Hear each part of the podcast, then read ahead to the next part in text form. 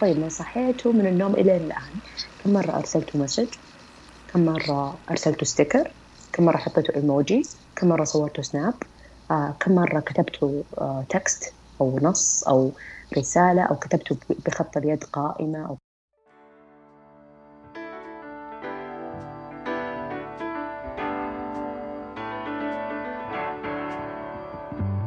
أنا بسمة بيكم في بودكاست مظلة. بودكاست أناقش فيه مواضيع متعلقة باضطرابات التواصل مشاكل النطق واللغة بالإضافة لمواضيع عن التنشئة اللغوية الصحيحة. لا تنسوا تعملوا سبسكرايب وفولو للبودكاست. حيجيكم تنبيه أول ما تنزل حلقة جديدة وتشاركوا الحلقات مع اللي تعرفوهم. هذه الحلقة بعنوان وسائل التواصل البديلة والمعززة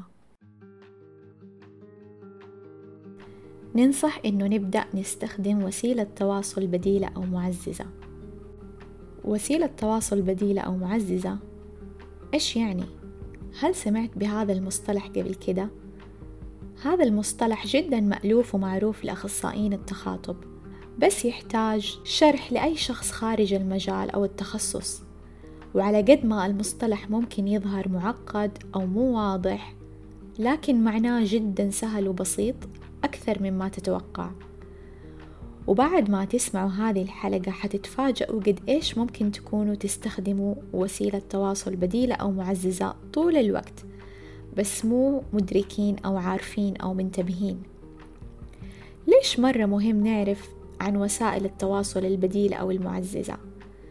لأنه ببساطة مو كلنا كبشر نقدر نتكلم ولا كلنا نتكلم نفس اللغة أو اللهجة. فنحتاج وسائل تواصل أخرى عشان ندعم تواصلنا وتعبيرنا عن أنفسنا. ضيفة الحلقة الأخصائية نورة الغصون اختصاصي نطق ولغة أول حاصلة على الجدارة الإكلينيكية من الجمعية الأمريكية للنطق والسمع الرئيس التنفيذي لشركة أفصح للتقنيات المساعدة أهلا وسهلا فيكي نورة.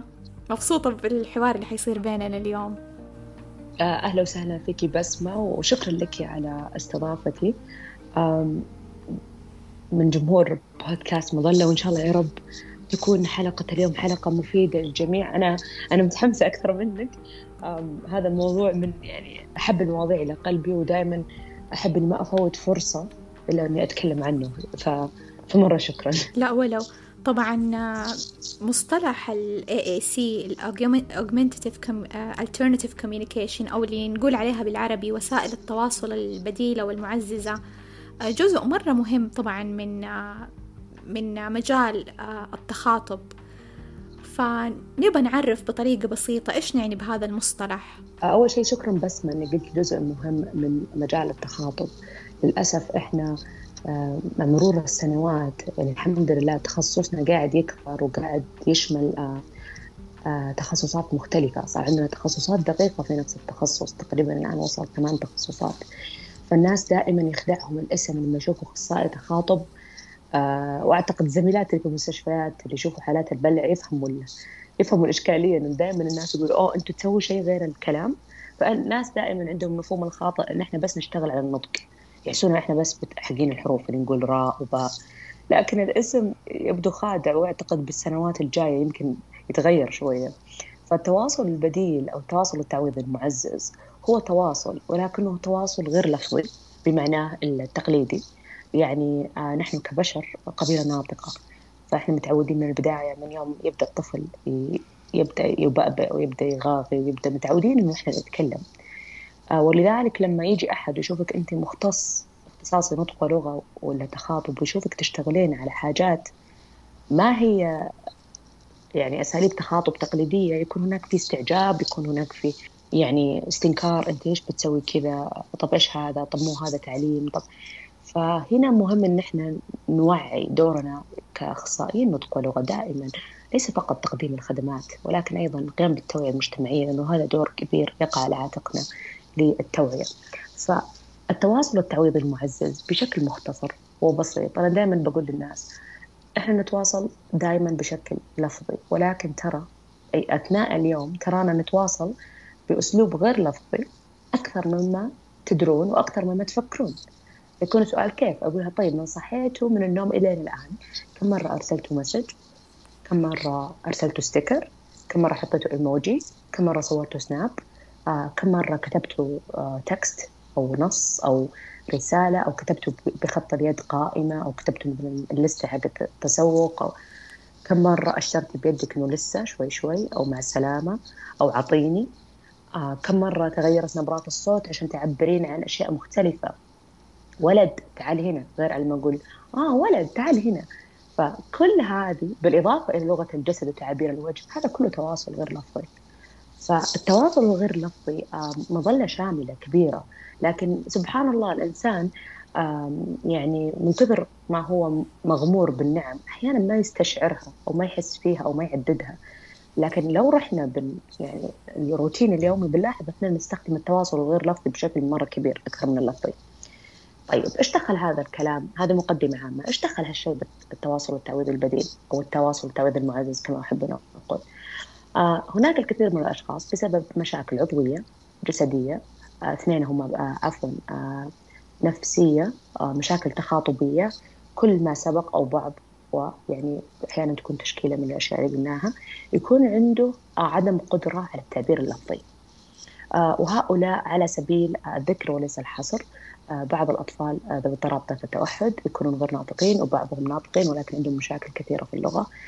آه كذلك الأطفال ذوي الشلل الدماغي أطفال ذوي متلازمة داون آه الأطفال اللي تصير لهم حوادث سيارات أو حوادث مكتسبة مثل لا سمح الله أو الله يحمينا وياكم اللي هي حوادث آه حوادث الرأس الرضية اللي هي الإصابات الرضخية يسمونها اللي traumatic brain injuries الأطفال الصغار. كذلك الأورام الدماغية اللي تصيب الأطفال. أيضا في بعض الحالات يكون هناك سكتات دماغية عند الأطفال. هذه كلها تأثر على النطق واللغة طبعا أنا بتكلم عن الأطفال. لما نتكلم عن البالغين أيضا قد تكون أنه هذا الشخص كان عنده هذا الاضطراب أو هذا المتلازمة من يوم هو صغير كبرت معه أو قد يكون صار له شيء مكتسب مثل حادث سيارة أو آه، سرطان في منطقة الرأس والرقبة الله يكفينا وياكم الشر أو أحد الحوادث اللي تكلمنا عنها كان يكون هناك سكتة دماغية إصابة دماغ رضخية وغيره. هذه كلها تأثر على التواصل. فيكون هذا الشخص ما يقدر يستخدم التواصل العادي الاعتيادي اللي إحنا متعودين عليه. فاحنا شو نسوي؟ التواصل التعويض المعزز نجيب طرق أخرى تمكن الشخص من التواصل من التعبير من الاندماج في المجتمع من غير ما يستخدم الطريقة التقليدية. ويتم ذلك في طريقتين عندنا تواصل تعويضي معزز وعندنا تواصل آه تعويض غير معزز. معزز من اسمه يعني أنا أحتاج حاجة تعزز جسمي شيء plus أو زائد جسمي أنا. أحتاج أداة. إما قلم وورقة إما تطبيق تواصل ذكي إما صور مثل تكس إما بعض المحسوسات أو المكعبات أو الملموسات المجسمات وغيره أما التواصل والتعويض الغير المعزز من اسمه ما أحتاج شيء جسمي فقط يكفي. يعني زي إيش؟ زي لغة الجسد نبرة الصوت لغة الإشارة وما إلى ذلك. شيء ما أحتاج أضيفه على جسمي. هذا باختصار الفرق بين الاثنين. وطبعا يتم توظيفها آه، بشكل فعال حتى نصل إلى التواصل اللي هو الهدف منه أن يتبادل الشخص مع المجتمع آه، بتعبير ما يريد يعبر عن طلباته ورغباته واحتياجاته ومشاعره وأحاسيسه ويندمج مع الأقران. أغلب الناس في المجتمع نفكر فيه زي ما قلتي اللي هو الكلام. هذه هي الطريقة اللي نبغى نتواصل فيها. بس الكلام ممكن ما يكون خيار ممكن لبعض الأشخاص. أيوه برافو عليك. فهنا تيجي فهنا تيجي فكرة إيوه التوا... وسائل التواصل التعويضية أو المعززة إنه هي حتعطي للأشخاص اللي... اللي الكلام ممكن ما يكون نقطة قوة عندهم ممكن يكون أصلا غير موجود ممكن يكون غير ممكن أصلا لأسباب عضوية زي ما ذكرتي. فهنا تعطي تساعد الشخص وتعطي له الحق إنه هو يتواصل كمان. صح إنه حيكون بطريقة غير لفظية بس حيكون شخص ممكن يكون أكثر استقلالية أكيد يعني. في انه مثلا يعبر عن احتياجاته.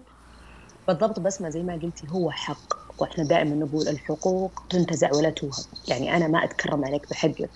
وللأمانة هنا يجي شغلنا كاختصاصيين خصوصا مع الأطفال. انه نحن ننادي بحقوقهم. أنا دائما حتى لو تشوف الشعار اللي بردده إن التواصل حق وليس امتياز. الكثير من المرات أنا ينتهي بالوضع في بعض الحالات أو في بعض المحاضرات. إني أنا أشرح للأهل أقول لهم إذا الطفل ما هو قادر يتواصل عشان عنده مشكلة تمنع إنه يتكلم مو من حقك تمنعه يتواصل. عشان ما عبر بالطريقة اللي أنت تبيها. أنت أو اللي نتوقعها أيوه. بالضبط اللي لأنه أحيانا وهذه طبعا نشوفها كثير من الأطفال ذوي اضطراب التوحد اللي يكونون غير ناطقين وزي ما أنت عارفة احتمالية إن الطفل اضطراب التوحد الغير ناطق تكون عنده أبراكسيا كلامية أو عمى كلامي مرتفعة جدا. فلما أنا أكون عارفة طبيعة الاضطراب وعندي تنبؤ ممكن طبعا العلم عند الله بس يعني قصدي التنبؤ من ناحية اللي هي prognostic indicators عندنا في التخصص اللي نعرف أشياء معينة. أنا ليش أحرم الطفل من حقه إنه يعبر عن نفسه ويكون صداقات يدخل المدرسة؟ فقط لأنه مو قاعد يتكلم بالطريقة أو يتعبر بالكلام اللفظي اللي أنا أبغاه. فهنا مهم نرجع ونقول إنه حق وليس امتياز. ومو من حق أي أحد يأخذ من طفل طريقة يعبر فيها ويجبره إنه يتكلم. عشان وهذه واحدة من الأشياء اللي نسمعها كثير اللي هي الخرافة اللي ما اللي عيت تموت هالخرافة من يومي وأنا أسمعها. آه، أسمعها من وللأسف أحيانا أسمعها من أطباء أطفال أحيانا أسمعها من اختصاصيين في المجال أحيانا بسمعها من مدرسين تربية خاصة. خصوصا لما يكونوا الاطفال غير ناطقين آه، يشتغلوا معاهم مثلا على واحدة من أساليب التواصل الغير لفظيه مثل PECS اللي هو picture exchange communication system طريقة التواصل بالبطاقات. مجرد ما الطفل يوصل على المستوى الثالث الرابع ويبدا يكون أكثر استقلالية. سبحان الله مع تعزيز التواصل أحيانا بعض الأطفال تطلع معاهم كلمات. لأنه ليش؟ تم تلبية التواصل عندهم بشكل جيد وطبعا المهارات الفردية تختلف. فللأسف واحدة من الأخطاء الشائعة اللي دائما أسمعها يقول بس بس خلاص شيل البطاقات عنه. لا يتعود على الكلام لا يتعود على البطاقات وترى بعدين يتكاسل وما يبغى يتكلم. يا جماعة مين قال هذا الكلام؟ وللأسف لما تحاول الأخصائية أو معلمه التربيه الخاصه إنها تقول لا ما ينفع. لا يصير عليها ضغوطات إنه لا وقفي اشتغلي على التواصل اللفظي. بعدين هي ترجع مسكينة محبطه بعد كم شهر تقول الولد رجع إيش؟ رجع مستواه نزل. لأنه أيوة حتى نفسية حتى النفسية تتأثر والتفاعل مو بس حتى الكلام. التواصل شوفي هذا اللي يخلي تخصصنا مختلف عن باقي التخصصات. التواصل آه يعتبر شيء شخصي جدا. مرتبط بشخصية شخص الإنسان كينونته آه علاقته في المجتمع. لما أنا أحرمك من التواصل أنا ما أحرمك من الكلام بس. أنا أحرمك من أنك تكونين جزء من نظام اجتماعي كامل. فأنا أفرض عليك العزلة. هذا شعور قاسي جدا. عشان كذا أنا ما أحب ما أحب لما يجيني أحد يقول لي لا. وتصير معي كثير يقول لي ركزي على هذا الله يعافيك. أقول لها أنت تبغاني أشتغل للطفل ولا أشتغل معك أنت؟ في فرق. لازم نحدد من هي أهداف الطفل ومن هي أهدافك لأنه من القسوة ترى إنه نلقى شخص قاعد يحاول قد ما يقدر يعبر وإحنا نقوم نحط أكس لكل هذه المحاولات ولا إلا تكلم زيي أنا صراحة اضحكي علي لو بغيتي يا بسمة بس أنا أعتبر هذا نوع من العنصرية. هذه أسميها أنا العنصرية الكلامية. إنه إحنا الإنسان اللي ما يتكلم ما هو إنسان زينا وما نسمح له يتكلم معنا. هذا مصطلح جديد. هو إيوه هو يعني إلى إلى حد ما آه تحسي فيه إيوه اجتماعيا كأنه وثقافيا كأنه في سلوك متوقع. في سلوك بالضبط. متوقع أو نمط معين ثابت هو اللي أتوقع م. منك عشان أنت تعبر آه للشخص اللي قدامك فيه أو توصل له الرسالة. فهي هي هذه المحدودية. لازم نكون أكثر انفتاحا على آه طرق أخرى أكثر تقبلا. يعني الأشياء مختلفة تناسب تكون كل شخص. بالضبط. وعلى النقطة اللي ذكرتيها على إنه الطفل إذا بدأ يستخدم مثلا وسيلة تواصل مثلا بيكس زي ما قلتي في المثال بعدين بدأ ينطق كم كلمة إنه بعدين نشيل منه مثلا الوسيلة. يعني مرة أبحاث كثير أثبتت إنه بالعكس استخدام وسيلة تواصل بديلة ومعززة هي تساعد الطفل. كأنها زي الطريق ممكن يساعد إنه يكون لفظي أكثر. مو كل الأطفال طبعا حيكونوا لفظيين. صحيح. بس ممكن تخليه يطلع كلمات أكثر يعني لما يقيسوا الكلمات قبل ما يستخدم الكلمات التعبيرية خلينا نقول. آه، قبل ما يستخدم أنت بسمة إي أنت ركزتي على جزئية مهمة اللي هي اللغة. إنه حتى لو منطوقيا ما قال كلمات كثير لكن بناء اللغة في دماغه ارتفع. هذه هذه الإشكالية اللي أحيانا إحنا نرجع نقولها للأهل لما نقول أنا أخصائي لغة ونطق وليس فقط نطق. يمكن هو ما ينطق الكلمات بس أنت قاعد تبني إيش؟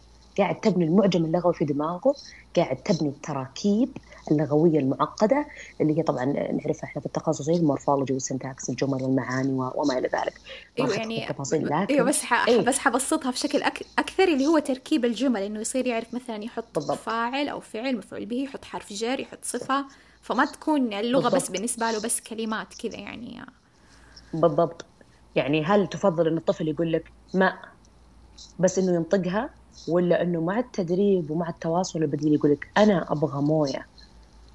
في فرق كمان ان الطفل لأنه بعدين أنت كمان فكر المدرسة هو بيعمم هالمهارات في المدرسة. لأنه الآن صار عنده التراكيب اللغوية المطلوبة اللي ممكن يجاري فيها أقرانه. لكن إذا بنقعد طول الوقت نشتغل على كلمة كلمة لا أعتقد إن هذا كافي ولا أعتقد إنه هذا أصلا يعني يوفي بحقوق الطفل. أنا أعتبر هذا نوع من النجلكت أو التجاهل.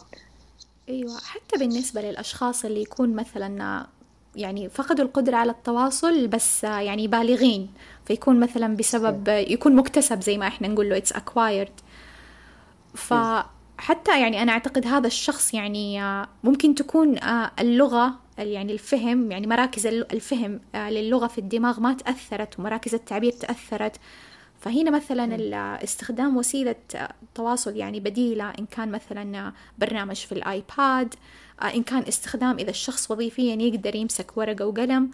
فيعني حسب قد يعني المواقف اللي هو يستخدم فيها فأحسه جدا مهم. يعني في النهاية الشخص يعني ما يبي يحس نفسه إنه هو كأنه بسبب الحادث اللي صار له أو الحالة الطبية اللي صارت له إنه كأنه تقفل عليه باب ماني قادر أمشي أمور حياتي أو ما كيف أرجع لوظيفتي مثلا؟ بالضبط يا بسمة وإحنا الآن يمكن قلتي معلومة مهمة وأنا الأمانة هذه من الأشياء اللي يعني آه تحور قلبي. وأنت يمكن شفتيها في الجلسات بحكم الاختصاص المشترك إنه لما يجيك شخص عنده إشكالية عدم قدرة على التعبير شخص عنده ال aphasia أو الحبسة الكلامية أو شخص صار عنده إصابة دماغ أو اللي traumatic brain injury حدث سيارة وفقد القدرة على الكلام أو تأثر أو الناس اللي عندهم عسر كلامي ال dysarthria وما إلى ذلك. لما يدخل عليك الشخص يعني هذا تصير معي بالعيادات وتؤلمني لما يدخل أنا أسلم عليه يقول أهلين هلا والله فلان معك نور الغصون أنا أخصائي تخاطب كيفك اليوم؟ على طول يجون بعض الأهل. لا لا لا ترى هو ما يفهم ولا ترى هو ما يتكلم. طيب طيب طب أنا لازم أسلم عليه أنا لازم أكلمه. ف... ويتم الكلام عنه دائما كأنه غير موجود. وأنا هذا اللي تعور قلبي صراحة وتحس في خاطري وللأسف حتى ما أشوفها بس من الأهل أشوفها من مقدمين الرعاية الطبية. خلاص ما دام صار عنده إشكالية التواصل نتكلم عنه كأنه غير موجود. فهذا يحصل زي ما قلت لك هنا إشكالية إن الشخص لما أنت تحرميه من حق من حقوقه وما عنده وسيلة يعبر تصيري أنت كأنك نوعا ما تقللين من يعني قدره في المنظومة الاجتماعية. لا أنت ما أنت إنسان زينا إحنا بنتكلم عنك كأنك غير موجود. واللي يقهر أكثر لما يكون هذا غالبا أحد الوالدين أو مثلا شخص كبير مع ابنة بنته. فأنت تخيل إنك تتكلم مع عياله قدامه كانه مو فيه يعني أحيانا تسمعين تفاصيل مؤلمة. ترى الوالد عنده كذا وكذا ترى بصير معه كذا وكذا. طب ترى هو يفهم. مو عشان هو مو قادر يتكلم تتكلم عنه كأنه غير موجود. وتتكرر هذه المواقف بشكل كبير كبير كبير. ليش؟ ببساطة لأن الإنسان افتقد حقه في القدرة على التعبير وبالتالي لا شعوريا إحنا لم نعتبره إنسان آه، مكافئ لنا فإحنا أيوة. ناخذ حقه في صحيح. الاحترام كذلك إيوه لأنه حتى ممكن إحنا لو أعطينا للشخص فرصة فهو ممكن حتى يكون آه، حتى بالتواصل البصري معاه أول شيء ممكن نعطيه حقه آه لما ننتظر هو ترى ممكن آه لما أنا أقدم نفسي للشخص فهو ممكن يعني ممكن ما يقدر يتكلم بس ممكن يرفع يده إنه أنا كتحية إنه أنا سمعتك صح. فكل هذه الأشياء كلامي. البسيطة تفرق مرة. صح وحتى لو ما فهم كلامي هو يفهم تعبير وجهي يفهم ابتسامتي يفهم تفاعلي يفهم إني أنا بجسمي منصرفة إليه مو قاعدة أتكلم مع أهله وملقيه ظهري. إحنا عندنا القدرة في أغلب طبعا باستثناء بعض الاضطرابات المعينة بس إحنا عندنا القدرة على ان نفهم لغة الجسد. ونفهم التعابير اللي نسميها الغير محكية اللي هي التغير في نبرة الصوت تعابير الوجه. آه هذا سبحان الله من يعني طور هذه خصائص طورها الإنسان طورها الإنسان من أجل البقاء غريزة البقاء عبر السنين. والدليل إحنا دائما نقول للاهل لما أشرح لهم نقول أنتم لو رحتوا برا نفرض رحتوا الصين رحتوا ألمانيا ما تتكلمون ولا كلمة صيني ولا ألماني. كيف تتواصلون مع حقين المحلات؟ يقول نتواصل أقول كيف؟ يبدأ يسوي لي يقول تبدأ تسوي الحركات إيش؟ المعتادة. حتى ما هي لغة الإشارة اللي هي sophisticated زي ال ASL ال Arabic sign language لا لا لا لغة الإشارة المسمية المعتادة conventional فيقولوا إيوه أقول طب كيف تفهم؟ أو أحيانا يقول لك والله ما عجبني نفخ علي ولا عصب علي، أقول طب شلون فهمت؟ يقول من من الصوت عرفتي؟ فشفتي إحنا نفهم أشياء كثيرة لكن دائما لأنه خلينا نقول spoken word takes precedent اللي هي الكلمة المنطوقة إحنا نولي لها انتباه أكثر بينما الحقيقة صار 80% من تواصلنا غير لفظي. شكرا لاستماعكم للحلقة. لا تنسوا تعملوا سبسكرايب للبودكاست وتشاركوا الحلقة مع اللي تعرفوهم. وشكرا لكل أحد سمع الحلقات اللي فاتت من البودكاست أو دعم البودكاست ب retweet أو مشاركة للحلقات عبر مواقع التواصل الاجتماعي. حلقات هذا البودكاست متوفرة على ساوند كلاود أبل بودكاست وجوجل بودكاست إذا عندكم أي اقتراحات أو استفسارات أو مواضيع حابين نناقشها اتواصلوا معايا عبر حسابي في تويتر أو إنستغرام أو الإيميل الموجود في وصف الحلقة. وألقاكم في حلقة جديدة.